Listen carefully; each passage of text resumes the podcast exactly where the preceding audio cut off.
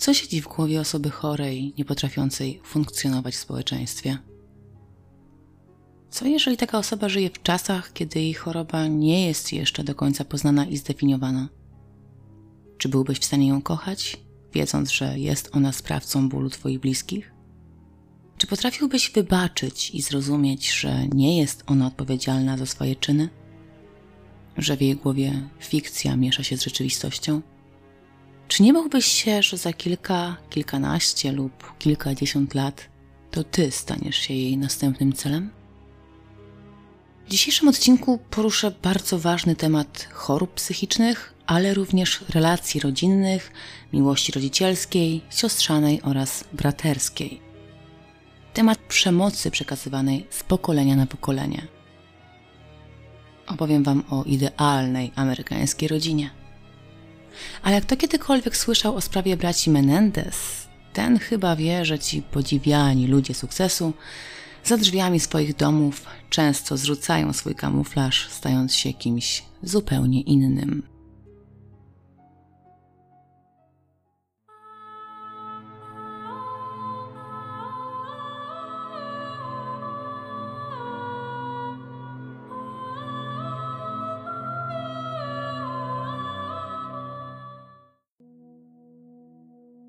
Długo zastanawiałam się nad tym, w jakiej formie przedstawić Wam dzisiejszy odcinek, bo jest to sprawa naprawdę wielowątkowa, wielopokoleniowa i w bardzo różnych odcieniach szarości. Ta historia nie jest zwykłą sprawą kryminalną, gdzie mamy zbrodnię i karę. Tutaj wszystko jest bardzo złożone, a cała ta historia jest rozłożona na dziesiątki lat. Sprawa, o której Wam dzisiaj opowiem, jest dość znana w Stanach Zjednoczonych, a przynajmniej tam na jej temat nadal powstaje wiele opracowań, ale na naszym podwórku nie znalazłam ani jednego materiału dotyczącego sprawy rodziny Pearsonów. Tym bardziej wydaje mi się, że warto Wam ją przedstawić, zwłaszcza, że porusza nie tylko problem chorób psychicznych, zaburzeń neurorozwojowych, ale również tego, jak łatwo jest ocenić człowieka. William Pearson urodził się w 1871 roku w wielodzietnej rodzinie Marszala Pearsona. Nazywając tę rodzinę wielodzietną naprawdę nie przesadzam, ponieważ była ona naprawdę spora. William miał jednego starszego brata oraz dziewiątkę młodszego rodzeństwa. Część była zresztą jego przyrodnim rodzeństwem, ale o tym dokładnie opowiem Wam za chwilę. Pearsonowie mieszkali w Teksasie, w stanie Teksas, dokładniej mówiąc, a głowa rodziny, pan Marshall Pearson, realizował się zawodowo w zawodzie bankiera. Tutaj trzeba też zaznaczyć, że Marshall nie był takim zwykłym pracownikiem przybijającym pieczątki, ale był prezesem dwóch placówek bankowych oraz podobno sam również był właścicielem jednej z takich placówek. Sytuacja materialna rodziny Pearsonów była więc dość dobra, żeby nie powiedzieć nawet, że bardzo dobra, a ich hierarchia w społeczeństwie stała dość wysoko. Tak jak już Wam wspomniałam, to William był jednym z najstarszych dzieci Marszala. O matce Willa oraz o jej relacjach z dziećmi wiadomo niewiele. Kobieta zmarła, kiedy Will miał zaledwie 10 lat. Jego ojciec zresztą dość szybko się pocieszył, znajdując nową panią Pearson. Zresztą podobno nie ostatnią, chociaż tutaj te informacje nie są do końca potwierdzone, Gdzieś znalazłam informację mówiącą, że Marshall Pearson miał mieć trzy żony. W innym artykule z kolei znalazłam informację, że żony były dwie i jak to tam było, to nie do końca wiadomo. Natomiast część rodzeństwa Williama była jego rodzeństwem przyrodnim. Sam William wyrósł na mężczyznę wyjątkowo ambitnego. Ojciec już od najmłodszych lat miał mu zawiesić poprzeczkę bardzo wysoko, zresztą nie tylko jemu, bowiem Marshall Pearson był ojcem bardzo wymagającym, pokładającym w swoich dzieciach naprawdę wiele nadziei, no bo też umówmy się, ale sam był nie byle kim. Źródła podają nawet, że w placówce bankowej Marszala Pearsona pracowali jego synowie, ponieważ bankier od małego przygotowywał swoje dzieci do zawodu. Pearson planował bowiem, że po jego śmierci placówka trafi w ręce męskich potomków rodu, którzy będą nią zarządzać w przyszłości. Sam William w roku 1891 rozpoczął edukację na Uniwersytecie Baylora. Pięć lat później zdobył dyplom z literatury. A że było mu mało, to edukację kontynuował, uzyskując kolejny dyplom, tym razem na Wydziale Prawa. I to właśnie z tą dziedziną Will związał swoją przyszłość. W roku 1901 Will wziął ślub z niejaką Leną Haskell. Nawiasem mówiąc, jest to również rok, w którym na świat przychodzi jego najmłodsza przybrana siostra Ruth, więc różnica wieku między wszystkimi potomkami marszala Pearsona była dość spora i tak do końca to nawet nie wiem, czy rodzeństwo odczuwało jakąś głębszą więź rodzinną. Ruth zresztą pojawi się jeszcze w tej historii, odgrywając co prawda drugoplanową, aczkolwiek dość ważną rolę. Ale to raczej tak w ramach ciekawostki. Sam marszał Pearson umiera w roku 1908, pozostawiając po sobie spuściznę w postaci placówki bankowej. Bank stał się zresztą taką kością niezgody w rodzinie, bowiem, jak być może pamiętacie, no to marszał życzył sobie, aby po jego śmierci placówka dostała się w ręce jego synów. Inne plany miała natomiast macocha Willa, Margaret Pearson, która postanowiła, że to właśnie ona będzie zarządzała placówką. Zresztą było to dość nietypowe, bowiem kobieta, która była taką bizneswoman w tamtych czasach, no to nie było coś bardzo często spotykanego. Podobno doprowadziło to do rozłamu w rodzinie Pearsonów, a potomkowie marszala rozjechali się po całych Stanach Zjednoczonych. Czy ta sytuacja odbiła się na Willu? Raczej nie bardzo, bowiem William od roku 1901 pracował już jako sędzia Sądu Najwyższego w Teksasie. Szło mu naprawdę nieźle i bardzo szybko piął się po szczeblach kariery sędziowskiej, nie chcę Was tutaj zanudzać, więc tylko tak pokrótce powiem, że William Pearson dość szybko został wybrany do składu sędziowskiego ósmego okręgu sądowego, a później udało mu się nawet zostać wybranym na zastępcę sędziego Sądu Najwyższego stanu Teksas. Tak więc był raczej grubą rybą i poważną personą w swoim stanie. Niektórym oczywiście znalazł za skórę, jak to zwykle osoby zasiadające w składzie sędziowskim, ale opinię miał dość dobrą. Z poglądów był demokratą i masonem, a z wyznania baptystą. Jeżeli już co nieco wiemy na temat życia zawodowego Willa Pearsona, to wypadałoby powiedzieć też co nieco na temat jego życia rodzinnego. Jak wiemy, w roku 1901 Will poślubił Lenę Lenorę Haskell. Para nie próżnowała i dość szybko wzięła się za powiększanie rodziny. Rok później bowiem, w roku 1902, na świat przychodzi pierwszy syn pary, William Jr. Nie do końca wiem dlaczego, ale William w niektórych źródłach i w niektórych artykułach był nazywany Billem, natomiast jego oficjalnym pierwszym imieniem było imię William, tak więc ja też będę go właśnie tak nazywała. Ale żeby było nieco prościej, żeby tych dwóch Williamów nam się tutaj nie myliło, to jednego będę nazywała tutaj Williamem seniorem, a drugiego Williamem juniorem. Nieco później, chociaż tutaj nie do końca udało mi się ustalić w którym roku, Lena wydaje na świat swoje drugie dziecko i tym razem jest to córka, która dostaje na imię Alice. Jako ostatni rodzi się Howard, czyli trzecie dziecko, a jednocześnie drugi syn Pearsonów. Nie dotarłam do dokładnych informacji dotyczących roku, w którym urodziło się najmłodsze dziecko państwa Pearson, ale miało to miejsce gdzieś pomiędzy 1914 a 1915 rokiem. Na tym też William Pearson wraz z małżonką zakończyli pracę nad powiększeniem swojej rodziny. Pearsonowie byli standardową amerykańską rodziną z wyższych sfer byli szanowani i poważani w swojej społeczności, a podział obowiązków, tak jak na tamte czasy przystało, był raczej standardowy. William piął się po szczeblach kariery, zarabiając przy tym naprawdę przyzwoite pieniądze, a jego żona, Lena, czy też Lenore, bo tutaj różnie się ją nazywa, była typową gospodynią domową, która miała zajmować się domem i dziećmi. Szło jej to podobno dość nieźle, bowiem była wspominana jako ciepła i kochająca matka. Jako żona też podobno sprawowała się bez zarzutu. Prała, prasowała, gotowała i dbała o to, by Will był zadowolony. Prawdopodobnie z wyznania była chrześcijanką.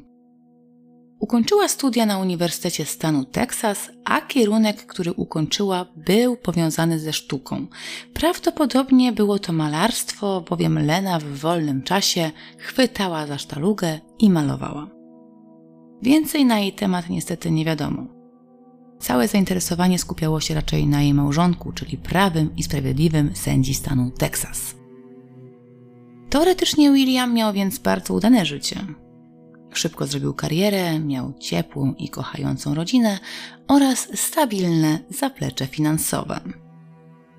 No ale jak to zwykle w takich sytuacjach bywa, tylko teoretycznie. William Junior rósł na bardzo ambitnego młodego człowieka. Zdawało się, że wydał się właśnie w ojca, który też był taki bardzo pracowity i ambitny. Przykładał się do nauki i zdawało się, że przed Willem, Billem otwierają się tutaj bramy obiecującej przyszłości. Ponieważ był najstarszym z dzieci Pearsonów, to też nic dziwnego, że jako pierwszy ukończył college, zresztą z bardzo dobrymi wynikami. Dostał się na jeden z najbardziej prestiżowych amerykańskich uniwersytetów Uniwersytet Waszyngtoński. Później zresztą kontynuował swoją naukę, swoją edukację wyższą też na dosyć dobrym uniwersytecie, czyli na Uniwersytecie Chicagowskim. Oczywiście rozpoczęcie studiów e, oznaczało w tym wypadku przeprowadzkę do innego stanu, co też wiązało się ze sporymi kosztami. Ale taka szycha jak sędzia Sądu Najwyższego mógł sobie na taki wydatek pozwolić.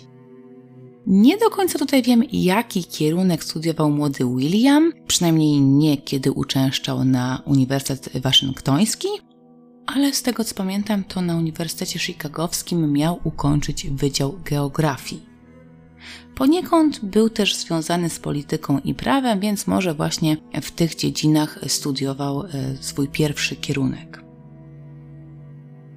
Kilka lat później, na pewno przed rokiem 1927, z domu wyprowadza się również Alice, czyli średnie dziecko Pearsonów.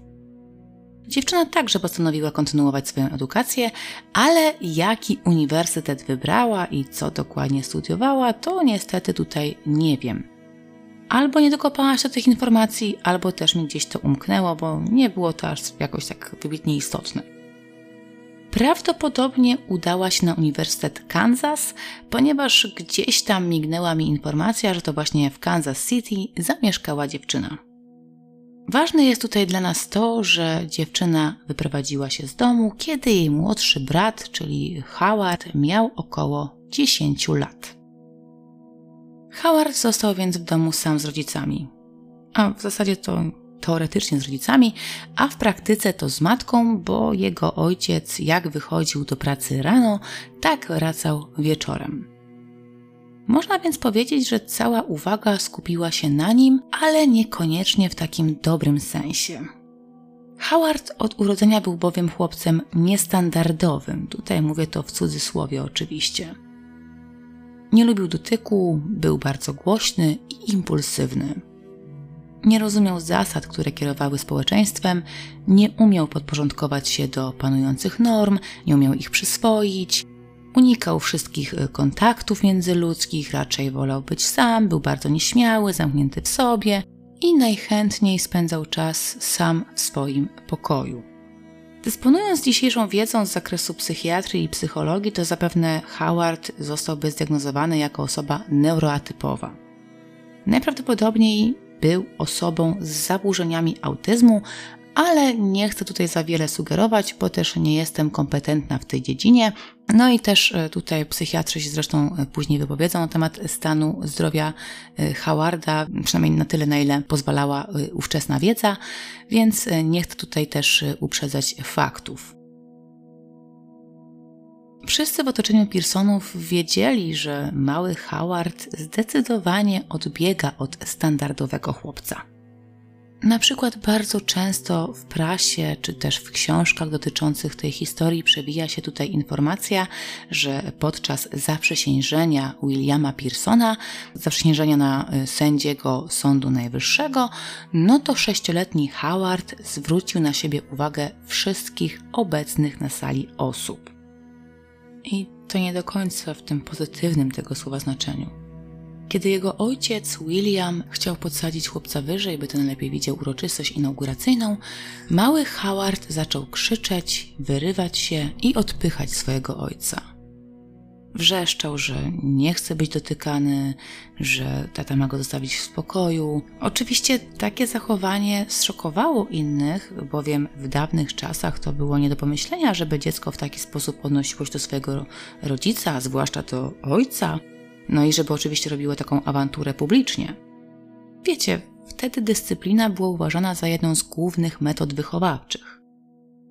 Ale podobno sam sędzia William, widząc zachowanie swojego syna, nie wydawał się ani trochę zmartwiony. Zachował się zupełnie na luzie. Tak jakby przyzwyczaił się już do impulsywnych reakcji Howarda. Jednocześnie też tutaj trzeba podkreślić, że wykazał się względem chłopca zrozumieniem, cierpliwością oraz miłością.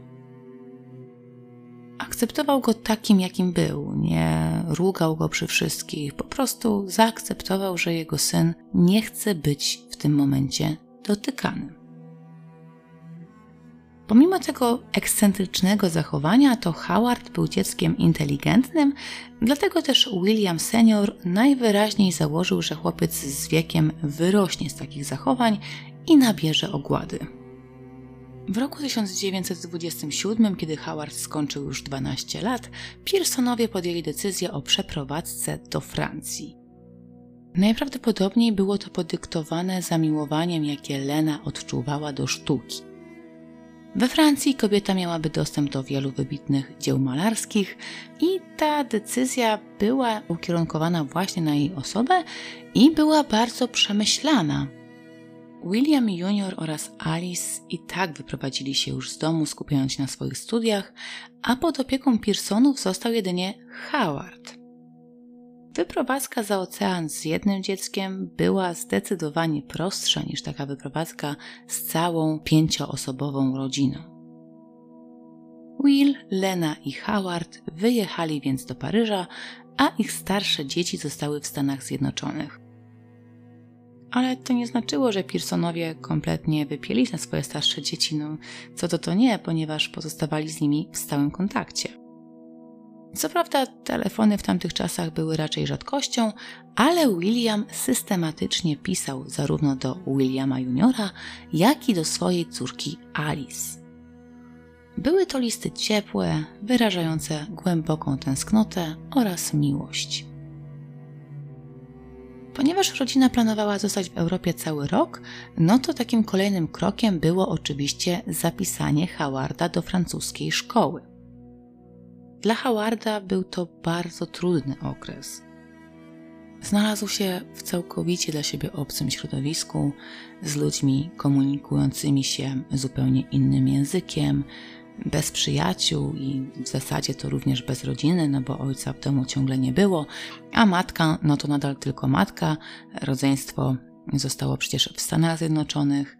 Dla standardowego nastolatka byłaby to naprawdę ciężka sytuacja, więc wyobraźmy sobie, jak ciężko musiał to przeżyć zamknięty, odstający od społeczeństwa Howard. Była to dla niego tragedia życiowa, utrata stabilnego gruntu pod nogami. Wyjątkowo wrażliwy chłopiec, jak na swój wiek dość niski i herlawy, szybko stał się obiektem drwin i szykan ze strony rówieśników. Przez cały okres swojej edukacji Howard nie nawiązał ani jednej bliższej relacji. I ja nawet tutaj nie mówię o jakiejś wielkiej przyjaźni, ale o takiej zwykłej relacji koleżeńskiej. Prawdopodobnie był to również moment, który odcisnął piętno na psychice Howarda, bowiem chłopak już przez całe życie będzie odczuwał nienawiść do narodu francuskiego. Rodzice, widząc, że ich syn nie odnalazł się w nowym miejscu, po roku przebywania we Francji postanowili wrócić do Teksasu. Był to również moment, w którym Pearsonowie powoli uświadamiali sobie, że zachowanie ich syna może być jednak czymś więcej niż tylko etapem dorastania. Ale póki co nie podjęto żadnych działań. Chłopak może i był dziwny i aspołeczny, ale uczył się dość dobrze i nie sprawiał większych problemów wychowawczych. Nie wykazywał żadnych zachowań agresywnych ani autoagresywnych, od po prostu był takim niegroźnym dziwakiem. Pearsonowie mieli jednak obawy, czy ich syn poradzi sobie na uniwersytecie, zwłaszcza w obcym mieście i stanie. Dlatego, aby wilk był syty i owca cała, postanowili posłać Howarda na miejscowy Uniwersytet Stanu Teksas. Zresztą Howardowi to również pasowało. Nie musiał się wyprowadzać, nie musiał zmieniać znanego sobie środowiska. Od po prostu będzie codziennie dojeżdżał na uniwersytet znajdujący się w jego stanie. Chłopak zaczął uczęszczać na zajęcia z budowy maszyn, bowiem był przekonany, że w przyszłości zostanie znanym i podziwianym naukowcem. Miał w planach skonstruowanie maszyny, która miałaby zastąpić wszystkie inne maszyny, ale co to dokładnie miało znaczyć i jak taka maszyna miałaby działać, to Howard nie sprecyzował. Być może jeszcze po prostu nie wiedział, jak to ma wszystko działać i jak to wszystko ogarnie. W każdym razie był głęboko przekonany, że ukończenie uniwersytetu będzie dla niego szansą na karierę naukową. Pierwszy rok Howard zaliczył bez problemu. Może i nie był wybitnym studentem, raczej nie łapał się w topkę najlepszych, ale jakoś tam sobie radził. Problem pojawił się na drugim roku. Howard zaniedbał swoją edukację, przez to oczywiście obniżyły się jego stopnie. William Pearson miał jeszcze nadzieję, że jest to taki etap przejściowy i chłopak wkrótce nadgoni materiał i poprawi swoje wyniki. Ale Howard zdawał się nie mieć na to ochoty. Stał się jeszcze bardziej wycofany i nieodpowiedzialny. Zaczął żyć w świecie fantazji. Był głęboko przekonany, że William i Lena nie są jego prawdziwymi rodzicami, a on sam został adoptowany w okresie niemowlęcym. Nie wiadomo skąd Howard żywił takie przekonanie, ale uważał, że za bardzo odstaje od swojej rodziny, żeby być rodowitym synem Williama Pearsona. Tutaj mamy wybitnego znawcę prawa oraz miłośniczkę sztuki, czyli ojca i matkę. Jego brat również był jakoś związany z polityką, a siostra Alice odziedziczyła po matce zainteresowanie malarstwem. A on jako jedyny z rodziny szedł zupełnie inną drogą drogą inżynierii i maszynerii. Fascynowała go budowa maszyn oraz cała inżynieria mechaniczna. Dlatego też w jego głowie zrodziła się myśl, że jego prawdziwy ojciec musiał być wybitnym naukowcem, a on nieco przez przypadek trafił do rodziny Pearsonów. Ponieważ stan Howarda znacznie się pogorszył, a jego urojenia stawały się naprawdę niepokojące, Pearsonowie w końcu postanowili skonsultować się z lekarzem psychiatrii. Chłopcem, czy też już raczej można powiedzieć młodym mężczyzną, zajął się dr Joe Wooten. Wooten był nie tylko przyjacielem rodziny, ale również znanym i cenionym psychiatrą. Po kilku sesjach terapeutycznych Wooten zdiagnozował u Howarda otępienie wczesne, termin, który obecnie nie jest już używany. Dawniej pod otępienie wczesne podciągano wszystkie zaburzenia oraz choroby psychiczne, które charakteryzowały się wycofaniem ze świata zewnętrznego, życiem w swoim własnym świecie oraz zaburzonymi funkcjami poznawczymi. Najczęściej taka diagnoza była stawiana osobom autystycznym, chorym na schizofrenię czy też depresję. Wooten skłaniał się tutaj w kierunku schizofrenii ze względu na występujące u Howarda omamy słuchowe oraz urojenia. Jednocześnie psychiatra poinformował Pearsonów, że ich syn jak najbardziej może normalnie funkcjonować w społeczeństwie, nie będzie odbiegał za bardzo od normy, ale aby tak się stało, to młody chłopak musi otrzymać odpowiednią pomoc psychiatryczną. To znaczyło, że Howard musiałby uczęszczać na terapię oraz przyjmować odpowiednie leki. Co prawda skutecznego leku na schizofrenię w tamtych czasach jeszcze nie było, ale lekarze podejmowali już pierwsze próby kuracji osób chorych z lepszym lub gorszym skutkiem, no ale próbowano. Pearsonowie zaakceptowali diagnozę, ale William kategorycznie odmówił leczenia syna. To były okolice roku 1933, kiedy William Pearson ubiegał się o reelekcję. Aby nadal piastować urząd zastępcy sędziego Sądu Najwyższego stanu Teksas, musiał zostać ponownie na to stanowisko wybrany. Wiedział, że jego konkurencja wykorzystałaby chorobę psychiczną jego syna przeciwko niemu, a Samuel i tak miał już spore problemy z utrzymaniem stanowiska. Z uwagi na swój wiek coraz bardziej podupadał na zdrowiu, cierpiał m.in. na bardzo duże problemy jelitowe i nie zawsze mógł poświęcić swojej pracy tyle czasu, co jeszcze kilka lat wcześniej. Wiedział, że konkurencja nie cofnie się przed niczym, by go zniszczyć. Dlatego postanowił działać nieco inaczej. Stwierdził, że nauczy swojego syna, jak działa życie. Co też takiego wymyślił sędzia Pearson? Ano sędzia Pearson przestał płacić za Uniwersytet Howarda. Stwierdził, że skoro chłopak nie przykłada się do nauki i nie docenia poświęcenia swoich rodziców, no to najwyższy czas, aby zobaczył, jak ciężko zarabia się pieniądze. Sytuacja zresztą była bardzo trudna, bowiem był to sam środek wielkiego kryzysu ekonomicznego, jaki nawiedził Stany Zjednoczone, zresztą nie tylko Stany, ale i całą Europę. Jednak Will wykorzystał swoją pozycję, pisząc listy rekomendacyjne do wielu firm i fabryk. W listach tych oczywiście wychwalał swojego syna, wychwalał Howarda, tak aby ktoś w końcu zdecydował się dać mu miejsce pracy w swojej firmie. Howardowi oczywiście taki pomysł zupełnie się nie podobał. Jeszcze bardziej uwierzył w to, że musi być dzieckiem adoptowanym. No bo jak inaczej wytłumaczyć fakt, że ojciec posłał swoje starsze dzieci do dobrych szkół, opłaca ich czesne oraz życie w innym stanie, a jemu odbiera nawet możliwość edukacji w rodzinnym Teksasie. W Howardzie kipiał gniew. Czuł się urażony i potraktowany niesprawiedliwie.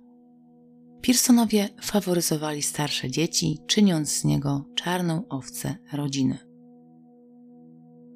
W końcu Williamowi udało się znaleźć synowi posadę na polu naftowym. Tutaj też należy powiedzieć, że to nie była raczej praca marzeń, było wręcz przeciwnie, była to praca bardzo trudna i wykańczająca fizycznie. Porównałbym to może trochę do naszej pracy w kopalniach, chociaż nie wiem, czy było tam aż tak ekstremalnie. I chociaż stanowisko Howarda nie było najniższe i chłopak nie miał styczności z najbardziej niebezpieczną i wykańczającą fizycznie pracą, pracował bowiem jako mierniczy, to i tak musiał się nieźle narobić. A przypominam tutaj, że Howard był mężczyzną raczej drobnym, herlawym i drugim Pudzianowskim raczej by nie został. Pomimo buntu Howarda, chłopak ostatecznie przyjmuje pracę i rozpoczyna nową karierę. William zresztą obiecał swojemu synowi, że kiedy ten nabierze odpowiedniej ogłady, no i zrozumie, że w życiu trzeba się namęczyć, żeby coś osiągnąć, to ponownie wróci na uniwersytet i będzie mógł kontynuować swoją edukację, a wtedy William bardzo chętnie mu tę edukację opłaci. Była to więc taka sytuacja, którą Howard był w stanie zaakceptować. Miała to być dla niego taka lekcja pokory. No więc stwierdził, że w sumie ojciec ma tutaj nawet wiele racji. W tym czasie Will poprosił również swojego starszego syna, e, Willa Juniora, by tymczasowo wrócił do Teksasu i pomógł mu zawalczyć o reelekcję. Howard rozpoczął swoją pracę mniej więcej na początku 1934 roku. Przez 10 miesięcy pracował jako mierniczy na polu naftowym. Pomimo tego, że praca wyniszczała go fizycznie, to zbierał raczej dobre opinie. Nie sprawiał problemów, był sumienny, a ze swoich obowiązków wywiązywał się bez zarzutów. Z czasem jednak było mu coraz trudniej. Dlatego po 10 miesiącach postanowił, że jest to koniec jego kariery na polu naftowym. Był przekonany, że prawie rok ciężkiej pracy to wystarczająco długo, żeby udowodnić ojcu, że jest osobą odpowiedzialną i zasługuje na drugą szansę. Ale kiedy w listopadzie 1934 roku wrócił do domu i zakomunikował, że no, rozstał się ze swoim miejscem pracy, no to jego ojciec nie wyglądał na zadowolonego. Okazało się, że William senior miał wobec swojego najmłodszego syna zupełnie inne plany. Odmówił Howardowi powrotu na uniwersytet. Nie był zadowolony, że ten porzucił pracę. Od razu zresztą zaczął rozsyłać listy polecające do kolejnych firm, informując tutaj syna, że niestety, ale to nie jest odpowiednia pora, by wrócić na studia. Howard był jeszcze bardziej wściekły. Wiedział jednak, że w tej kwestii nie ma nic do powiedzenia. Był zależny od rodziców, miał zaledwie 20 lat i żadnego wykształcenia. Dlatego też świetnie zdawał sobie sprawę z tego, że jeżeli ojciec się zawziął i postanowił znaleźć mu nową pracę, no to niestety prędzej czy później mu ją znajdzie. Jak na razie Howard mieszkał w domu rodzinnym, nie miał pracy, czekał na rozwój sytuacji, a Will senior ponownie skupił się na znalezieniu zatrudnienia dla swojego syna. A nie było to takie łatwe. Will co prawda był szanowanym sędzią, ale jego syn ani nie posiadał wielkich kwalifikacji, ani też nie miał żadnego wyuczonego zawodu. Postury też był raczej średniej, żeby nawet nie powiedzieć tutaj, że był lichy i wychudzony. Dodatkowo raz jeszcze tutaj przypominam, że był to bardzo trudny czas nie tylko dla Amerykanów, ale i dla całego świata, ponieważ wielki kryzys zbierał naprawdę potworne żniwo, a wskaźnik bezrobocia w niektórych krajach dochodził nawet do 30%. Informuję Was o tym, abyście poniekąd zrozumieli, dlaczego William Pearson załatwił swojemu synowi posadę w takim miejscu jak pole naftowe. To nie była jego premedytacja, to nie było wymierzone w Howarda, ojciec nie chciał go upokorzyć. To po prostu i tak był cud, że mężczyźnie udało się znaleźć zatrudnienie dla chłopaka, który nie posiadał żadnego specjalistycznego wykształcenia, a pracę znaleźć było trudniej niż złoto. Dlatego też kolejnym miejscem pracy, jakie Will znalazł dla swojego syna, było kolejne pole naftowe tym razem oddalone jeszcze dalej od Austin, czyli rodzinnego miasta Pearsonów, bowiem mm, było to miasto, które miało leżeć mniej więcej 250 km od Austin i było to High Island. Howard nie był zachwycony wizją powrotu do pracy na polu naftowym, zwłaszcza, że było to miejsce tak oddalone, więc bardzo dużo czasu musiał poświęcać na dojazd. Jednak no, Howard nie miał za bardzo wyjścia. Znalezienie posady dla dwudziestolatka było naprawdę koszmarnie trudne. No i zajęło Willowi aż pół roku, więc to też pokazuje, jak ciężko było wtedy zdobyć jakąkolwiek posadę, nawet jakby się było e, sędzią Sądu Najwyższego Teksasu. To oczywiście też nie znaczyło, że ojciec nie próbował załatwić Howardowi czegoś lepszego, bo próbował jak najbardziej. Cały czas wysyłał listy polecające, w których z tego co ustalono posuwał się nawet do kłamstwa, bowiem opisywał Howarda jako elokwentnego, dobrze zbudowanego młodzieńca. Kiedy jaka była prawda, no to chyba już tutaj wiemy ale starał się jak mógł, naprawdę. Tutaj nie można było zarzucić, że sędzia Pearson nie próbował znaleźć czegoś lepszego dla swojego syna. Po prostu czas i okoliczności nie były sprzyjające. Howard, chcąc nie chcąc, rozpoczął nową pracę w kwietniu 1935 roku. 24 kwietnia do oddziału medycznego w Seaton zgłasza się młody mężczyzna. Jego koszula jest zabrudzona krwią, a on sam słania się na nogach. Informuje spieszący mu na pomoc personel medyczny, że jest ofiarą napadu rabunkowego. Zresztą nie tylko on. Na miejscu zbrodni zostali jego rodzice, również ranni, aczkolwiek nieprzytomni. Chłopak chciał wciągnąć ich do samochodu i zawieźć do szpitala, jednak rana lewej ręki skutecznie mu to uniemożliwiła. Ale błagał o to, aby w okolice Bull Creek wysłać ambulans i patrol policji. Według relacji chłopaka wraz z rodzicami udał się on na wycieczkę trasą widokową. Powód tej wycieczki nie jest do końca jasny, no bo też źródła nie są do tego zgodne. Albo miała to być taka zwykła, rodzinna, pozamiejska wycieczka, albo też Pearsonowie chcieli dojechać do stacji eksperymentalnej znajdującej się na rzece Colorado. W pewnym momencie, kiedy ich samochód znajdował się w pobliżu rozwidlenia Bull Creek oraz rzeki Colorado, z zarośli wyszło dwóch uzbrojonych mężczyzn. Jeden wyższy w ciemnych, prostych włosach, drugi niższy o włosach kręconych. Miejsce było odludne. Najbliższe zabudowanie stało około 300 metrów dalej. Raczej więc nie było wielkich szans na ratunek. Rabusie nakazali rodzinie opuścić samochód, po czym przystąpili do przeszukiwania. Niższy z napastników zabrał portfele Howarda oraz Williama, torebkę Leny oraz złoty zegarek należący do sędziego Pearsona.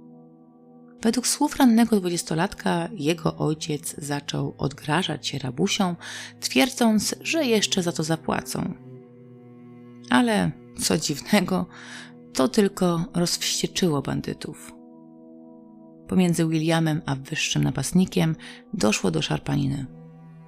Sędzia miał chwycić za rewolwery, bowiem ten wyższy napastnik trzymał w rękach dwa rewolwery i próbował y, obezwładnić strzelca, znaczy przyszłego strzelca. Dalszy przebieg wydarzeń jest tutaj niejasny ze względu na y, szybkość następujących po sobie wydarzeń. Natomiast pewne jest to, że Howard też rzucił się na pomoc ojcu, ale on zaatakował niższego napastnika. Albo sam podjął taką decyzję i dokonał takiego heroicznego czynu, albo też zawołał go ojciec i poprosił o pomoc. Tutaj to też oczywiście te, te relacje się troszkę od siebie różnią, nie są spójne, no ale przebieg wydarzeń jest mniej więcej taki sam. William szarpał się z wyższym napastnikiem, a Howard z niższym. W pewnej chwili w wyniku tej szarpaniny Howard został postrzelony w lewe ramię. Mniej więcej w tym samym czasie usłyszał huk kolejnych dwóch wystrzałów, ale szybko zorientował się, że nie były to kule wysłane w jego kierunku. Domyślał się, że jego ojciec najprawdopodobniej też musiał zostać ranny. Jego rana paliła jak żywy ogień i pulsowała. Dlatego Howard, wykorzystując chwilę nieuwagi napastnika, uciekł i schował się w zaroślach. Usłyszał jeszcze kilka strzałów, po czym rabusie oddalili się gdzieś w kierunku dziko zarośniętej przestrzeni. Howard widział, że jego rodzice leżą w bezruchu w kałuży krwi. Bał się jednak wyjść z ukrycia. Nie miał pewności, czy napastnicy, idąc za jego przykładem, po prostu nie schowali się gdzieś w krzakach, czekając aż wyjdzie. Odczekał więc w bezruchu jeszcze kilka minut, a kiedy stwierdził, że okolica jest już bezpieczna, powoli wrócił do auta. Tak jak wspomniał wcześniej, chciał zaciągnąć swoich rodziców do samochodu, jednak jego lewa ręka była niemal bezwładna i pulsowała z bólu. Nie był w stanie zaciągnąć dwojga dorosłych do samochodu. Stwierdził, że najlepszym rozwiązaniem będzie, kiedy on sam szybko wsiądzie do auta i pojedzie powiadomić odpowiednie służby. Stan Howarda nie zagrażał jego życiu, ale jego rana była na tyle głęboka, że bardzo obficie krwawiła. Medycy zadecydowali, że muszą usunąć kulę, która utkwiła w ciele mężczyzny. W tym celu Howard musiał zostać wprowadzony w stan uśpienia. Zanim jednak otrzymał narkozę, podał wskazówki lokalizacyjne, które miały ułatwić odnalezienie Pearsonów. Pomimo późnych godzin nocnych zarządzono akcję poszukiwawczą. Chociaż wzięło w niej udział aż 60 osób, to ciała podobno odnalazł szeryf hrabstwa Travis. Mówię tutaj ciała, ponieważ niestety bardzo szybko okazuje się, że Pearsonowie nie wykazywali już żadnych oznak życia. William i Lena zostali przewiezieni prosto do kostnicy. Na miejscu pojawił się również niejaki Will Phillips.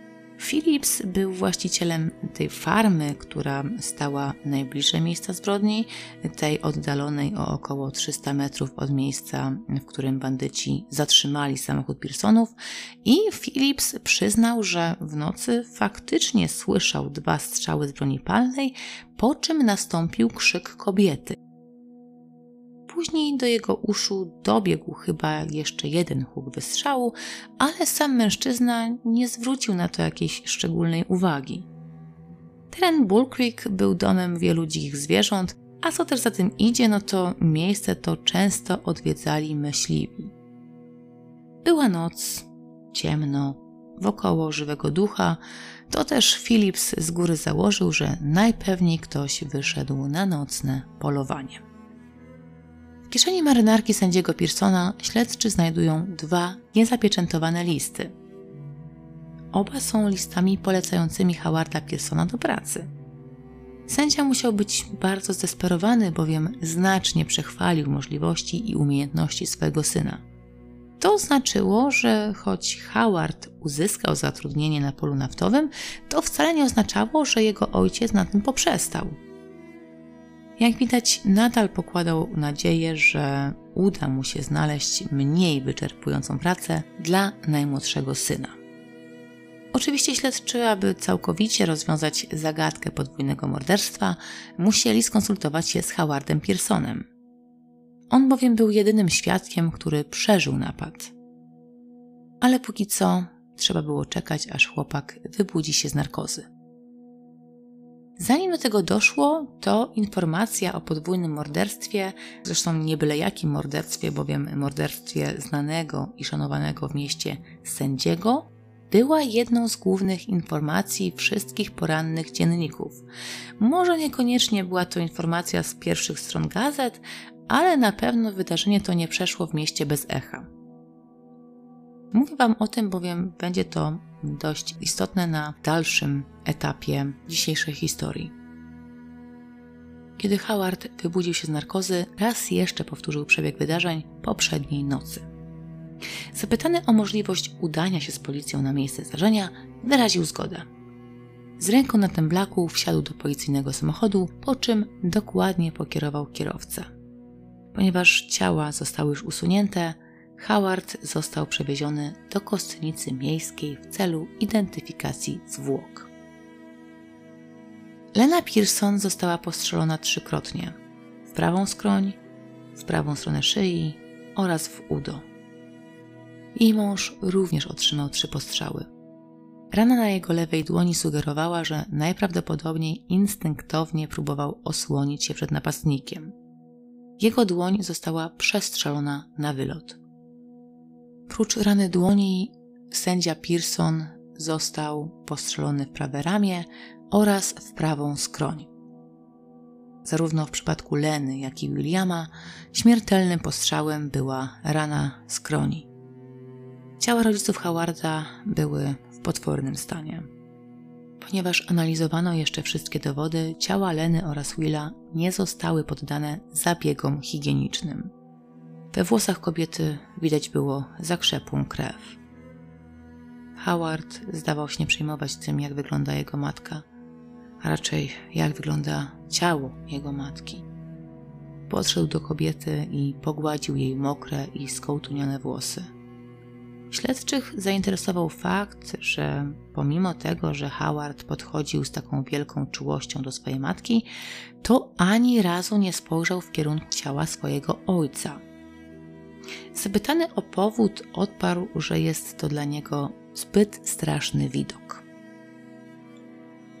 Policja pokładała duże nadzieje w zeznaniach Howarda. Przeżył on napad i miał bezpośredni kontakt z napastnikami. Mógł więc w przybliżeniu podać rysopis obu uzbrojonych mężczyzn. Oczywiście policja zdawała sobie sprawę, że te rysopisy mogą nie być dokładne Howard przeżył szok, a w trakcie szarpaniny mógł nie zwrócić większej uwagi na wygląd napastników. Ale ku zdziwieniu śledczych Howard podał bardzo precyzyjny rysopis obu sprawców, łącznie z kolorem ich oczu. Dodatkowo dwudziestolatek, mówiąc o Williamie, nigdy nie posłużył się słowem tata czy ojciec. za każdym razem mówił o nim per sędzia. Zarówno ten dokładny, wręcz zbyt dokładny rysopis sprawców, jak i dziwna niechęć i chłód skierowane do osoby Williama wydały się śledczym interesujące. Jaki syn wypowiada się o swoim dopiero co zamordowanym ojcu z takim dystansem? Nikt nie wymaga od dwudziestolatka, żeby nazywał swoich rodziców mamusią i tatusiem. Oczywiście no to jest chyba jasne, ale samo słowo ojciec jest raczej dość neutralne.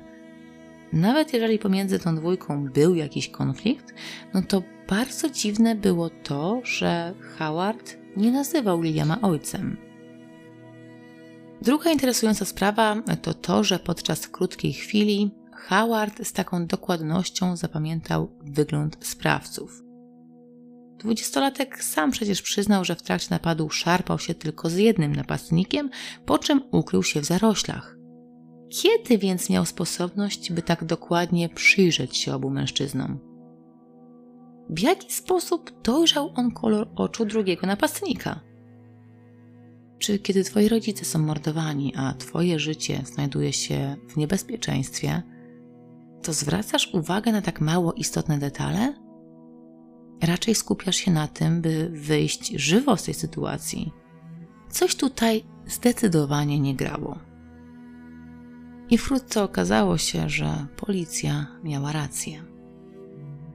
Na komisariat zgłosił się przyjaciel Howarda Pearsona, a raczej jeden z jego nielicznych przyjaciół, bowiem dwudziestolatek raczej stronił od towarzystwa. Chłopak, dowiedziawszy się o śmierci Pearsonów, stwierdził, że koniecznie musi podzielić się ze śledczymi ważną informacją. 20 kwietnia, w sobotę, Howard odwiedził go w jego mieszkaniu. Zaczął wtedy snuć fantazję na temat tego, w jaki sposób zabije swoich rodziców. Twierdził, że William Pearson nie jest jego prawdziwym ojcem, że faworyzuje jego rodzeństwo i stoi na drodze jego przyszłej kariery naukowej. Jednocześnie wiedział, że jego rodzice posiadają wykupioną polisę na życie, która opiewa na kwotę 17 tysięcy dolarów. Może i ta suma nie robi na Was wrażenia, ale pamiętajmy, że wartość dolara w roku 1935 była zupełnie inna niż obecnie. 17 tysięcy dolarów można porównać do kwoty 300 tysięcy dolarów w czasach obecnych. Było to więc ponad milion polskich złotych. Wystarczająca suma, by rozpocząć nowe życie. Przynajmniej na jakiś czas. Howard uważał, że kiedy pozbędzie się rodziców, to już nic nie będzie stało mu na przeszkodzie w realizacji jego planów. Za zdobyte z polisy pieniądze będzie mógł wrócić na studia. Co prawda, kwota z ubezpieczenia będzie musiała zostać podzielona na trzy części, bowiem beneficjentem będzie on oraz jego rodzeństwo, ale jedna trzecia kwoty też go zadowalała. Niestety musiał zabić również matkę, bowiem gdyby kobieta pozostała przy życiu, to właśnie ona otrzymałaby pieniądze z polisy ubezpieczeniowej. Howard spekulował nawet, w jaki sposób mógłby zabić swoich rodziców. Analizował, jaki sposób byłby najskuteczniejszy i najlepszy. Czy lepiej użyć trucizny, czy też może pobić rodziców na śmierć metalową rurą? A może lepiej kupić broń i po prostu zastrzelić oboje w dogodnym momencie? Plany snute przez Howarda były co prawda bardzo niepokojące i zapewne zwróciłyby uwagę innych osób, ale tutaj pamiętajmy, że no Howard nie był takim zwyczajnym mężczyzną. Przyjaciel młodego Pearsona był już przyzwyczajony, że Howard był nieco specyficzny, no i często mówił różne dziwne rzeczy, które nie miały żadnego związku z rzeczywistością. Tak jak i tym razem powtórzył, że William Pearson nie był jego ojcem, a jego ojcem był ktoś inny. Dlatego też ten przyjaciel zwykle nie przywiązywał większej wagi do tego, co chłopak mówi, bowiem od razu z góry zakładał, że są to tylko jakieś brednie, które po prostu nawiedziły umysł biednego Howarda. Przyjaciel nic tutaj kompletnie nie podejrzewał, bo chociaż no, te wynaturzenia Howarda były dość brutalne i niepokojące, no to Howard, pomimo tej całej swojej inności, był mężczyzną naprawdę delikatnym, wrażliwym i nigdy nie wykazywał się agresją. Nawet kiedy padł ofiarą szykan ze strony rówieśników, to zawsze wybierał ucieczkę, a nie atak. Ale kiedy przyjaciel Howarda przeczytał w porannej gazecie informacje o śmierci Pearsonów, no to dotarło do niego, że tym razem Howard mógł nie żartować. Śledczy poinformowali rannego dwudziestolatka, że pojawił się świadek gotowy zeznawać na jego niekorzyść. Poprosili chłopaka, by ten wyznał im całą prawdę samodzielnie, no bo prędzej czy później śledczy i tak ustalą prawdziwy przebieg wydarzeń. Wtedy też Howard przyznał się do zbrodni. Howard namówił swoich rodziców na wieczorną wycieczkę poza miasto i aby przekonać ich do opuszczenia domu o tak późnej godzinie, to powiedział swojej matce, że przy rzece Colorado odkrył indyjski artefakt. Lena, jako miłośniczka sztuki, chętnie więc przystała na propozycję syna. Cała trójka wsiadła do samochodu i ruszyła w kierunku Bull Creek. Howard siedział za kierownicą. Dojechał do obszaru znanego jako Kocia Góra, po czym skręcił w małą ścieżkę prowadzącą do rzeki Colorado. Poinformował rodziców, że muszą wyjść z samochodu. Kiedy Pearsonowie ruszyli przed siebie, Howard trzymał się z tyłu. Wyciągnął broń. Najpierw strzelił do matki, a później zajął się ojcem. Aby upewnić się, że rodzice nie żyją, to do każdego z nich oddał jeszcze jeden strzał. Tym razem w skroń. Gdy Pearsonowie byli martwi, to Howard pozbierał wszystkie wartościowe przedmioty, w tym właśnie m.in. złoty zegarek i aby uwiarygodnić napad, postrzelił się w lewe ramię. Wsiadł do samochodu i odjechał 10 mil od miejsca zbrodni, aby ukryć zrabowane przedmioty. Z tego co pamiętam, to podobno ukrył je w jakiejś skale, czy też przysypał jakimiś kamieniami. No, w każdym razie ukrył je w taki sposób, żeby nikt nie mógł ich odnaleźć. Później, jak gdyby nigdy nic, skierował się do szpitala w Seaton. Na pytanie, dlaczego zabił rodziców, odparł krótko: z zemsty.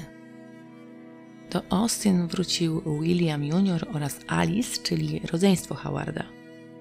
Poinformowani o śmierci rodziców oraz o tym, że to ich brat jest odpowiedzialny za morderstwo, wykazali się ogromną dozą zrozumienia. Chociaż cierpieli z powodu straty, upierali się przy opinii, że ich brat nie może być karany za swoje czyny. Nie może, ponieważ nie jest za nie w pełni odpowiedzialny. Ale o co tutaj chodziło rodzeństwo Pearson? Myślę, że to najlepiej zobrazuje nam opinia psychiatry, która dotyczyła stanu zdrowia oraz poczytalności aresztowanego dwudziestolatka. Do śledczych bowiem bardzo szybko zgłosił się dr Joe Wooten, ten sam Wooten, który diagnozował Howarda i który nadzorował stan psychiczny chłopaka przez te wszystkie lata i Wooten stwierdził, że chciał porozmawiać z Howardem w jego celi, na co uzyskał zezwolenie. Po dłuższej rozmowie psychiatra opowiedział o kondycji psychicznej dwudziestolatka, a była ona naprawdę opłakana. Howard uważał, że jest Mesjaszem, kimś tak samo ważnym dla społeczeństwa jak Jezus. Wierzył, że ma do zrealizowania misję – Oprócz stworzenia maszyny, która w przyszłości miała zastąpić całą inną maszynerię, zresztą wspomniałam Wam o tym już nieco wcześniej, to też Howard był na przykład przekonany, że w przyszłości znajdzie on sposób na to, aby ludzkość była w stanie dożywać wieku 200 lat. Był też przekonany, że urodził się po to, by ocalić świat od zła, a William Pearson próbował go powstrzymać. Był więc jego głównym wrogiem. Uważał, że posiada wiedzę, jakiej nie mógłby przyswoić żaden inny człowiek, bowiem pozostaje w stałym kontakcie z kosmitami, którzy przekazują mu wiedzę na temat technologii funkcjonującej na innych planetach. Jeżeli tutaj Wam mało, to najdziwniejsze przekonanie Howarda zostawiłam Wam na koniec. Mężczyzna bowiem głosił, że dla dobra świata cały naród francuski powinien zostać wysłany na Marsa. Chociaż można się to wydawać, że to wszystko jest niczym innym jak stekiem bzdur chorego umysłu, to kiedy przyjrzymy się głębiej teoriom głoszonym przez Howarda, to wszystko wydaje się mieć swoje podłoże. Nie mówię tutaj oczywiście, że była to prawda, bo raczej nie sądzę, że Howard rozmawiał z kosmitami, aczkolwiek myślę, że jego przeszłość bardzo rzutowała na tym, jak na obecną sytuację patrzył Howard, a raczej jego mózg patrzył na tę sytuację w tym momencie. Howard uważał, że William Pearson nie jest jego ojcem, ponieważ ten nie inwestował w jego edukację w równym stopniu, co w edukację pozostałych dzieci. Dodatkowo ojciec miał zachowywać się względem Howarda bardzo lekceważąco, nie doceniał jego potencjału, tak więc to nastawienie Williama seniora do najmłodszego syna rzutowało właśnie tym, że według Howarda Will nie był jego prawdziwym ojcem. Nawet to irracjonalne wysłanie Francuzów na Marsa może mieć sens, kiedy przypomnimy sobie, że za młodych lat Howard przeszedł prawdziwe piekło w francuskiej szkole. Dzieci wyśmiewały się z jego odmienności, a on sam czuł się odrzucony, nieakceptowany i gorszy. To wydarzenie mogło być dla niego taką wielką traumą, tak wielką zresztą, że pomimo upływu lat jego umysł zakodował sobie nienawiść do narodu francuskiego. Wooden zdiagnozował u Howarda wspomniane przeze mnie wcześniej otępienie wczesne, tym razem jednak podzielił się swoimi spostrzeżeniami oczywiście z policją, która sprawowała pieczę nad Howardem. Tutaj też bardziej przychylił się ku wnioskom, że e, sprawca zbrodni prawdopodobnie cierpi na schizofrenię. Potwierdzało to zresztą diagnozę postawioną wcześniej, kiedy obecnie nieżyjący już rodzice Howarda poprosili go o konsultację w sprawie zdrowia psychicznego ich syna. Wooten przekonywał, że Howard nie powinien być sądzony jak kryminalista. Mężczyzna był osobą chorą i zaburzoną, a jego halucynacje oraz urojenia wpłynęły na jego postrzeganie rzeczywistości. Howard nie zdawał sobie sprawy z tego, co czyni. Nie widział innego wyjścia z sytuacji i był po prostu przekonany, że William Pearson próbuje go zniszczyć. Prokuratura stała w opozycji do ustaleń biegłego psychiatry. Oskarżyciel był przekonany, że zbrodnia Howarda była popełniona z premedytacją. Mężczyzna zaplanował swoją zbrodnię z wyprzedzeniem. Kupił broń i podstępem wywabił rodziców w odludne miejsce. Aby napad wydawał się bardziej prawdopodobny, postrzelił się w rękę. Tak nie postępuje osoba chora i zaburzona. Tak działa zimno kalkulujący morderca. Morderca, który pozbawił życia dwie niewinne osoby. Ojca, który dbał o swoje dzieci, który inwestował w ich edukację i chciał, aby wyrosły na przyzwoitych ludzi. Mężczyznę, który bezgranicznie kochał swoje dzieci, o czym zresztą miały świadczyć listy wysyłane do Williama Juniora z Francji. Gdyby ława przysięgłych odrzuciła wniosek o uznanie niepoczytalności Howarda Pearsona, to prokuratura już z góry zakomunikowała, że będzie wnosiła o karę śmierci na krześle elektrycznym. Gdy trwał ten spór o poczytalność Howarda, ciała Pearsonów zostały przyszykowane do pochówku. Ze względu na urząd publiczny sprawowany przez Williama Pearsona, na dobę przed pochówkiem ciało sędziego oraz jego małżonki zostało wystawione przed Sądem Najwyższym stanu Teksas. Podobno, aby pożegnać się z szanowanym sędzią, miejsce odwiedziło ponad tysiąc osób. Prawda była jednak taka, że większość z tych osób nawet nie wiedziała, kim był William Pearson ale ponieważ sprawa morderstwa była tak głośna, to przecież warto na własne oczy zobaczyć, kto taki pożegnał się z życiem. Decyzja o wystawieniu ciał była zresztą krytykowana przez wielu urzędników, właśnie dlatego, że ich zdaniem tragedia rodziny Pearsonów została wykorzystana do zaspokojenia ciekawości zupełnie niezwiązanych z rodziną osób. Ciała Pearsonów spoczęły na cmentarzu stanowym. Howard nie uczestniczył w uroczystości. I to nie dlatego, że był on podejrzanym w sprawie i to on był sprawcą morderstwa swoich rodziców, bo podobno Howard otrzymał możliwość ubiegania się o przepustkę, tak aby mógł wziąć udział w pogrzebie rodziców, ale jednak zdecydował, że woli zostać sam w swojej celi. No dobrze, ale jeżeli mamy już tutaj powiedziane, co o stanie Howarda sądził biegły psychiatra, co sądziła prokuratura, no to wypadałoby tutaj też przybliżyć Wam, co na ten temat myślała najbliższa rodzina Howarda. William Jr. oraz jego siostra Alice w całej rozciągłości poparli stanowisko doktora Wootena. W ich opinii ich brat nie powinien być karany, ale powinien otrzymać odpowiednią pomoc medyczną i psychiatryczną. Co jest tutaj dość wymowne i dosyć dużo mówi na temat stanu zdrowia Howarda, jego najbliższa rodzina najlepiej chyba wiedziała, jak funkcjonował mężczyzna przez wszystkie te lata. Dodatkowo okazało się, że ta nieposzlakowana opinia sędziego Pearsona no nie do końca była taka krystaliczna. To znaczy, na mieście był uważany za pracowitego i prawego obrońcę prawa, ale za to w domu już nie było tak kolorowo. Nie wiadomo, czy Will stosował przemoc fizyczną, natomiast na pewno dopuszczał się przemocy psychicznej. Nastrój Pearsona seniora tak naprawdę zależał tutaj od dnia, kiedy wszystko szło po jego myśli, wracał do domu cały w skowronkach. Kiedy jednak miał trudny dzień, to po powrocie całą swoją złość wyładowywał na najbliższej rodzinie. Dodatkowo był mężczyzną bardzo ambitnym i wymagał od swoich dzieci, by te również odniosły w swoim życiu sukces. Owszem, był przy tym dla dzieci ciepły i kochający, ale była to tylko taka fasada, która waliła się w momencie, kiedy którekolwiek z jego dzieci postąpiło wbrew jego woli. Podobno Alice, córka Willa, po latach stwierdziła, że do jej ojca najlepiej pasowało określenie Town Angel and a Home Devil, czyli anioł na mieście, a diabeł w domu. Sytuacja miała ulec pogorszeniu, kiedy William Jr. wyprowadził się na studia.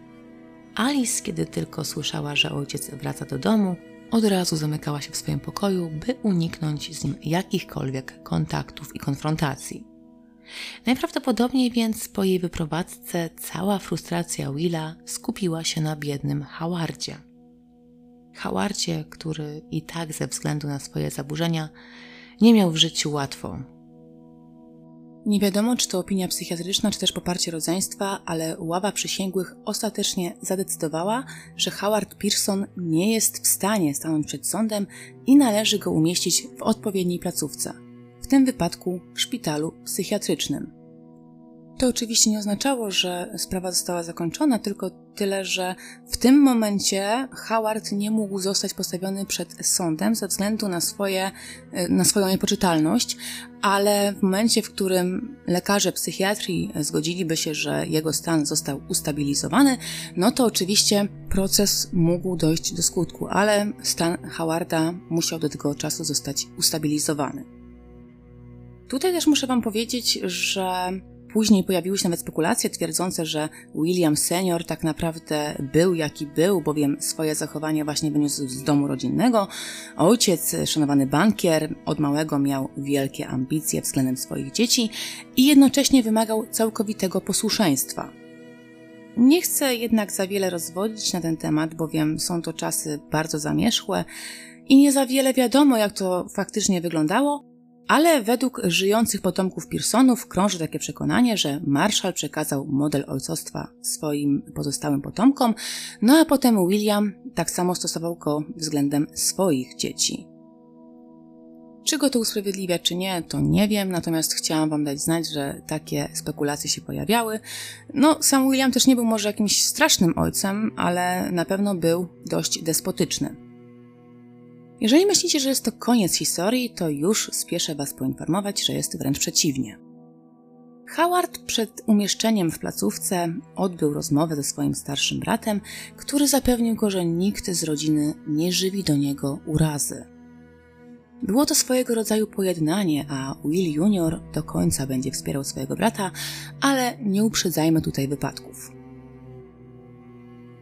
Czy Howard chorował na schizofrenię, czy też nie, to był na tyle poczytalny i zdolny intelektualnie, żeby dwukrotnie uciec z placówki szpitalnej. Między rokiem 1935 a 1963 aż 10 lat spędził na wolności. Zresztą te jego ucieczki wywołały nawet kilka skandali, bowiem okazało się na przykład, że policja za bardzo nie miała jak szukać uciekiniera. Kiedy Howard siedział w areszcie, to nawet nie pobrano od niego odcisków palców. Argumentowano to faktem, iż Howard pochodził z rodziny sędziowskiej, czyli z rodziny, która miała wiele styczności z prawem, a procedura daktyloskopijna byłaby dla niego upokarzająca. Dlatego tak naprawdę jedynym, co policja mogła zrobić w tej sprawie, to było wysłanie rysopisu z biega, no i poszukiwanie Howarda na podstawie e, tego rysopisu. Nie będę Wam opowiadała w dokładnych szczegółach o wędrówkach Howarda po Stanach Zjednoczonych. Myślę, że nie jest to mm, jakoś wyjątkowo ważne w tej sprawie. Powstał na ten temat bardzo fajny podcast w języku angielskim, który Wam oczywiście podlinkuję i tam cały jeden rozdział właśnie dotyczy tych ucieczek Howarda. Jeżeli będziecie chcieli posłuchać, to zachęcam. Ja jedynie wspomnę tutaj, że mężczyzna uciekał dwukrotnie, ale policja jakoś tak nie popisała się w poszukiwaniach mężczyzny. Tak naprawdę jedynym co zrobiono to było ostrzeżenie Willa oraz Alice Pearsonów, że ich brat uciekł z zakładu psychiatrycznego i że może stanowić dla nich zagrożenie. Ale rodzeństwo Howarda wyśmiało te sugestie. Jak doszło do zatrzymania mężczyzny? No bo oczywiście ten mężczyzna, ten Howard, trafił z powrotem do szpitala psychiatrycznego dwukrotnie. Natomiast pierwszy raz do zatrzymania Howarda doszło dopiero po siedmiu latach. Howard, przebywający w Minneapolis, został rozpoznany na podstawie listu gończego przez jednego z policjantów. Za drugim razem Howard sam zdradził swoje dane personalne psychiatrze, u którego leczył się w stanie Nowy Jork. Howard miał wyznać, że tak naprawdę przed trzema laty uciekł ze szpitala psychiatrycznego w stanie Teksas, a psychiatra oczywiście poinformował policję o tym fakcie, a ta szybko połączyła ze sobą fakty i ustaliła, że jest to właśnie zbiegły Howard Pearson. Drugie ujęcie Howarda miało miejsce w 1952 roku.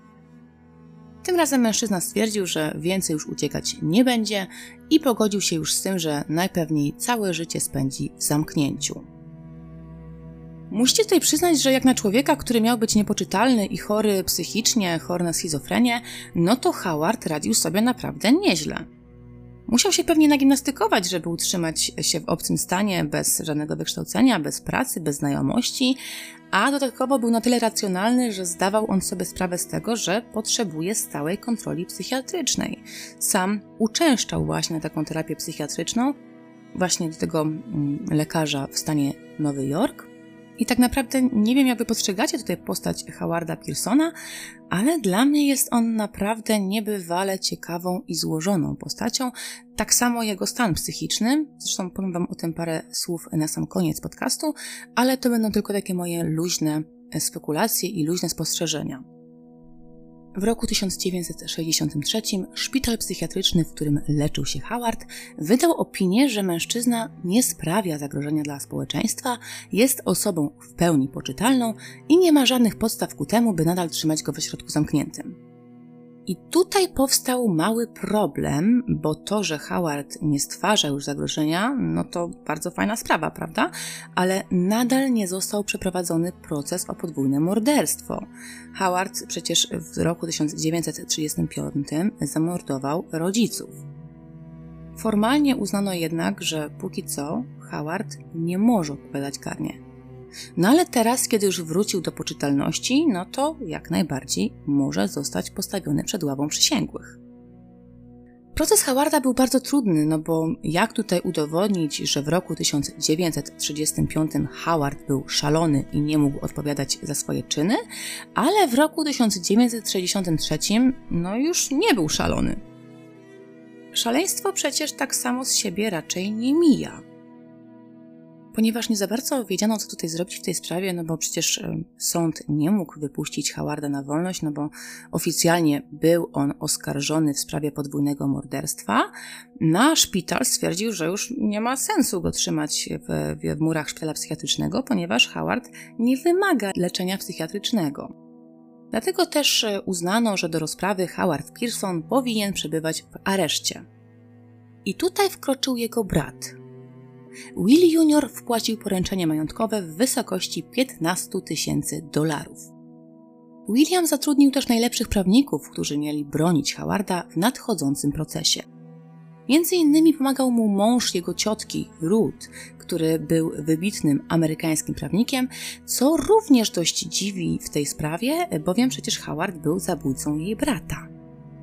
Kobieta oraz jej rodzina miała wszelkie prawo do tego, by nienawidzić Howarda, a jednak zdecydowała się mu pomóc.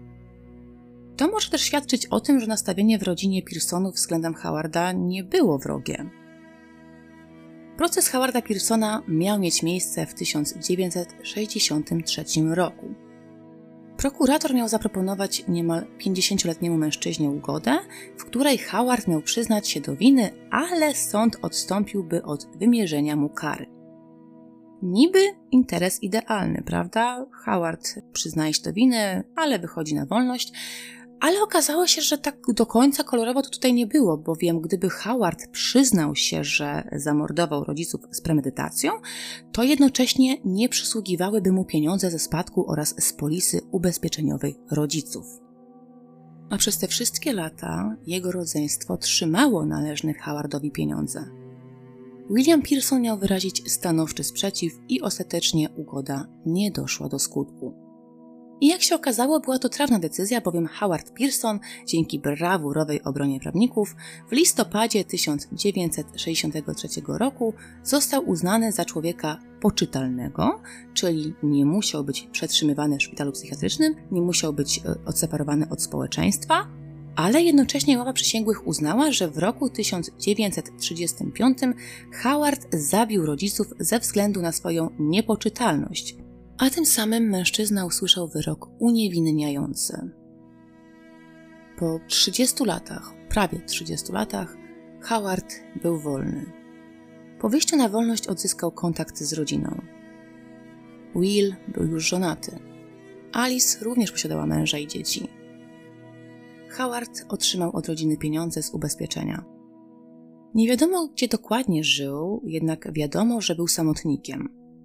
Chociaż kochał swoją rodzinę, to za radą terapeuty pilnował, żeby te spotkania z najbliższą rodziną nie trwały dłużej niż trzy dni z rzędu.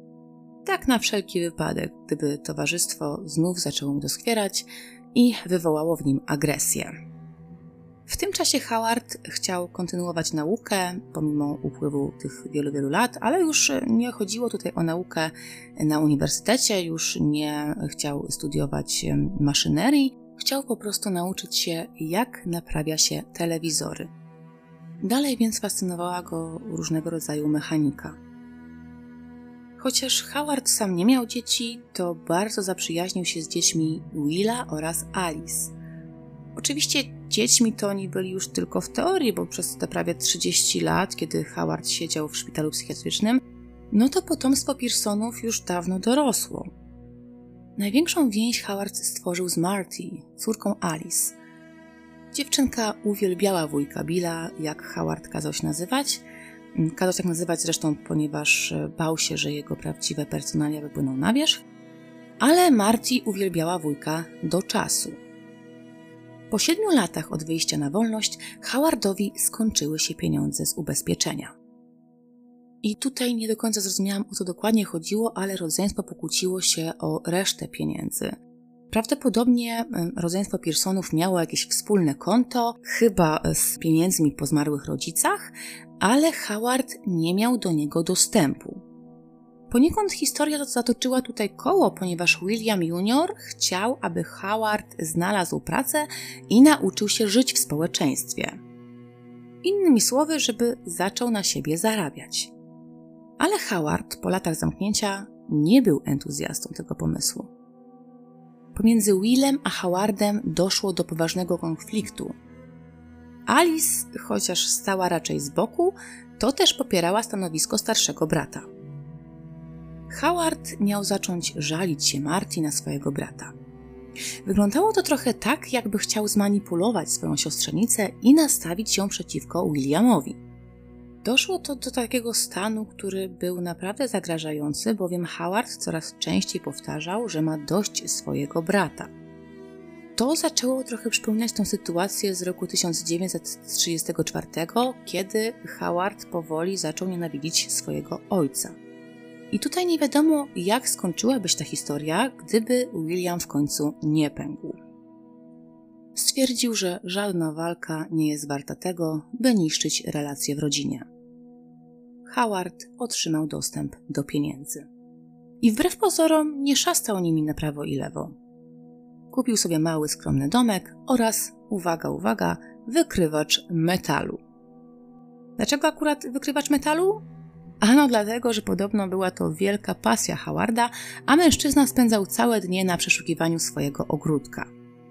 Podobno był w tym tak dobry i dokładny, że kiedy skończył, to jego ogródek wyglądał raczej jak pole minowe czy też kretowisko, bo była tam po prostu dziura na dziurze. Howard nawiązywał też jakieś relacje z kobietami, aczkolwiek prawdopodobnie nigdy nie miały one podłoża romantycznego. Prócz wykrywania metali w swoim ogródku i w pobliżu swojego domu, fascynował się również fotografią, ale czy był w niej dobry, no to niestety nie wiem.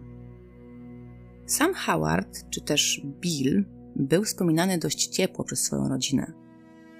Wnuk jego siostry, Alice, wspominał go jako bardzo wrażliwego, delikatnego mężczyznę. Howard nie przywiązywał uwagi do rzeczy materialnych. Zapłacił nawet za szkołę i książki wnuka Alice. Zawsze był uśmiechnięty i miły dla innych, chociaż wyczuwało się, że nieco odstaje od reszty ludzi i jest raczej ekscentrykiem. Od wyjścia ze szpitala nie brał leków, co jest tu moim zdaniem bardzo istotnym elementem. Chociaż jego relacje z rodziną były bardzo ciepłe, to podobno, kiedy Howard odwiedzał swoich najbliższych i zostawał tam na noc, to część z rodziny, część z członków rodziny czuła się wtedy dość niepewnie. Niby tutaj wszyscy lubili Howarda, niby wiedzieli, że jest on nieszkodliwy, no ale przecież w roku 1935 też nikt się nie spodziewał, że ten spokojny człowiek byłby zdolny, by wyrządzić komuś krzywdę. Ostatecznie jednak nigdy nie doszło do żadnych rękoczynów czy do żadnych większych konfliktów pomiędzy Howardem a resztą rodziny, pomijając oczywiście ten konflikt z jego bratem, który został załagodzony. Sama historia Howarda kończy się niestety tragicznie, bowiem na przełomie roku 1993 a 1994 otrzymał on druzgocącą diagnozę wykryto u niego postępującą chorobę Parkinsona. Dla Howarda był to prawdziwy cios. Mężczyzna od lat starał się ukrywać swoją prawdziwą tożsamość. Nie chciałby ktokolwiek w jego otoczeniu dowiedział się, że to właśnie on jest tym słynnym Howardem Pearsonem, tym mordercą rodziców. Właśnie dlatego też prosił swoich najbliższych, by ci zwracali się do niego imieniem Bill – Teraz roztaczała się przed nim wizja utraty sprawności zarówno fizycznej, jak i umysłowej. A to znaczyło, że jego prawdziwe dane personalne mogą wypłynąć na jaw. Ale to nie było najgorsze, co mogło mu się przydarzyć. Howard panicznie bał się, że straci kontrolę nad swoim życiem i nad swoim umysłem. Przez wiele lat robił wszystko, by funkcjonować w miarę normalnie, by nikomu nie zagrażać. Tutaj bał się, że przez chorobę Parkinsona straci kontrolę nad swoim życiem i nad swoimi poczynaniami. A kiedy ostatnim razem ją stracił, skończyło się to tragicznie. Kiedy Howard doszedł do granicy, postanowił odejść na własnych warunkach. Podjechał samochodem nad rzekę lub jezioro. Tutaj bardzo Was przepraszam, ale niestety tego nie pamiętam. Ważne jest, że to był jakiś zbiornik wodny. Wysiadł ze swojego samochodu, dokładnie zamknął wszystkie drzwi, po czym pozwolił, by auto bezwładnie stoczyło się do wody. Chwilę później sam stopniowo zaczął się zanurzać, pozwalając, by woda zalała jego płuca. W ten oto nietypowy sposób postanowił zakończyć swoje życie. Metoda równie nietypowa co sam Howard. Kiedy natrafiono na ślad mężczyzny, raczej już na ślad jego ciała, oraz odnaleziono samochód, ten zatopiony samochód, to w środku pojazdu odnaleziono kartkę Mm, taką notatkę bodajże chyba w schowku, która miała częściowo wyjaśniać motywację mężczyzny. Ta anotacja była bardzo krótka, aczkolwiek treściwa. Zbyt dużo bólu. Woda zmywa bólu. Rodzina Howarda, a przynajmniej ta nadal żyjąca część jego rodziny, po dziś dzień pamięta go jako człowieka ciepłego, uśmiechniętego, chociaż rzeczywiście nieco ekscentrycznego. Ich zdaniem Howard zabił swoich rodziców, ponieważ został doprowadzony do granicy swojej wytrzymałości. Tutaj nie chodziło tylko o pieniądze. Lata upokorzeń ze strony wyjątkowo wymagającego ojca, poczucie głębokiej niesprawiedliwości, być może przemoc psychiczna miała go niszczyć już od dziecka. Nienawidził ojca za jego wygórowane wymagania i faworyzowanie dwójki pozostałych dzieci, a matkę a matkę za bezczynność, za to, że była bierna, za dawanie ojcu cichego pozwolenia na to, by traktował dzieci jak swoją własność. Czy Howard faktycznie cierpiał na schizofrenię, czy chorował na schizofrenię? Tutaj psychiatrą nie jestem, od razu zaznaczam, nie chcę tutaj stawiać żadnych diagnoz, ale z tego co się orientuję, no to schizofrenia nie może raczej przejść w stan uśpienia. Zwłaszcza kiedy chory nie przyjmuje leków a Howard po opuszczeniu szpitala psychiatrycznego, co prawda uczęszczał na terapię, ale medykamentów żadnych nie stosował. Osobiście więc wydaje mi się, że Howard mógł być osobą autystyczną, u której doszło do epizodu depresji paranoidalnej. Stąd też jego wiara w to, że ojciec chce go zniszczyć, że faworyzuje starsze dzieci, a on sam jest zapewnie adoptowany ale to jest tylko takie moje luźne spostrzeżenie. Jeżeli mamy tutaj na sali psychiatrę, to niech da znać o tym, co myśli. Moim zdaniem cała ta historia jest dość szczególna, bowiem te dwie główne postacie, czyli sprawca zbrodni oraz ofiara, były naprawdę osobami, które ciężko jest skategoryzować, ciężko jest ocenić i włożyć w jakiekolwiek ramy. Były to osoby naprawdę skrajne, z jednej strony sędzia Pearson naprawdę miał opinię osoby prawej, moralnej. Pojawiały się głosy, że naprawdę kochał swoje dzieci, że wykazywał się zrozumieniem zarówno względem starszych dzieci, jak i właśnie Howarda. Tutaj przypominam e, tę sytuację z sądu, kiedy Howard urządził taką wielką scenę, a sędzia Pearson był bardzo panowany i e, przyjął ze spokojem sprzeciw swojego najmłodszego syna. Z drugiej strony pojawiały się głosy, że był osobą despotyczną, która za zamkniętymi drzwiami nie przyjmowała sprzeciwu. Tutaj nawet wypowiadała się córka Williama Juniora, która mówiła, że z jednej strony jej ojciec faktycznie uważał, że William senior był osobą bardzo trudną, i bardzo wymagającą, natomiast były też takie momenty w jego życiu, kiedy wspominał swojego ojca dość ciepło, więc tutaj naprawdę William senior nie był ani bohaterem, ani czarnym charakterem, był po prostu zwykłą osobą, która miała swoje wady i zalety. Tak samo Howard. Z jednej strony to była osoba, która budziła głębokie współczucie w ludziach, ponieważ był on traktowany bardzo oschle, nikt nie wykazywał zrozumienia względem jego stanu psychicznego, był ofiarą dręczenia przez rówieśników, był ofiarą swojego ojca, który no, wymagał od niego rzeczy dla Howarda niemożliwych do wykonania, ponieważ niestety, ale osoby neurotypowe niektórych rzeczy nie przeskoczą, chociaż nie wiadomo, jakby się starały. Żył zresztą w czasach, w których jego zaburzenie nie było jeszcze dobrze poznane. Pamiętajmy, że wstępne diagnozy autystyczne dopiero pojawiły się w roku 1943. To były naprawdę wstępne diagnozy. Więc e, niestety Howard nie mógł być dobrze zdiagnozowany. Pamiętajmy też, że tutaj jego psychiatra przypisał mu prawdopodobnie mylnie schizofrenię. Z drugiej strony był jednak osobą faktycznie czysto kalkulującą.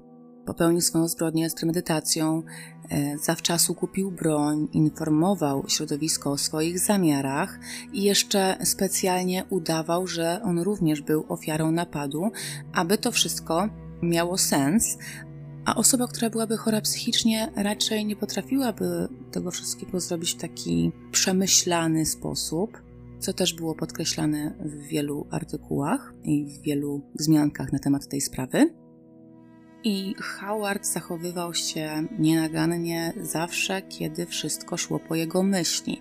Pamiętajmy, że kiedy tutaj pojawił się ten konflikt z jego bratem, no to znów zaczęło być groźnie i nie wiadomo, jak to wszystko by się skończyło, gdyby William w porę nie ustąpił. Więc Howard też tutaj jest taką postacią, można powiedzieć, skrajną i dwubiegunową. Z jednej strony budzi on współczucie, budzi on litość, taką sympatię, jest osobą, która walczy y, z tym, by wpasować się w społeczeństwo, ale ma też swoją ciemną stronę, więc też jest takim po prostu zwykłym, szarym człowiekiem, którego ciężko jest jakoś przypisać w kategorię dobrego lub złego. Mój największy szacunek w tym wszystkim wzbudził tak naprawdę William Jr., który nie tylko nie potępił swojego brata, ale jeszcze przez cały czas pomagał mu zarówno po wyjściu z, ze szpitala psychiatrycznego, jak i po popełnieniu zbrodni. Stał za nim murem, dał mu środki do życia, wprowadził go do rodziny po tych 30 latach rozłąki.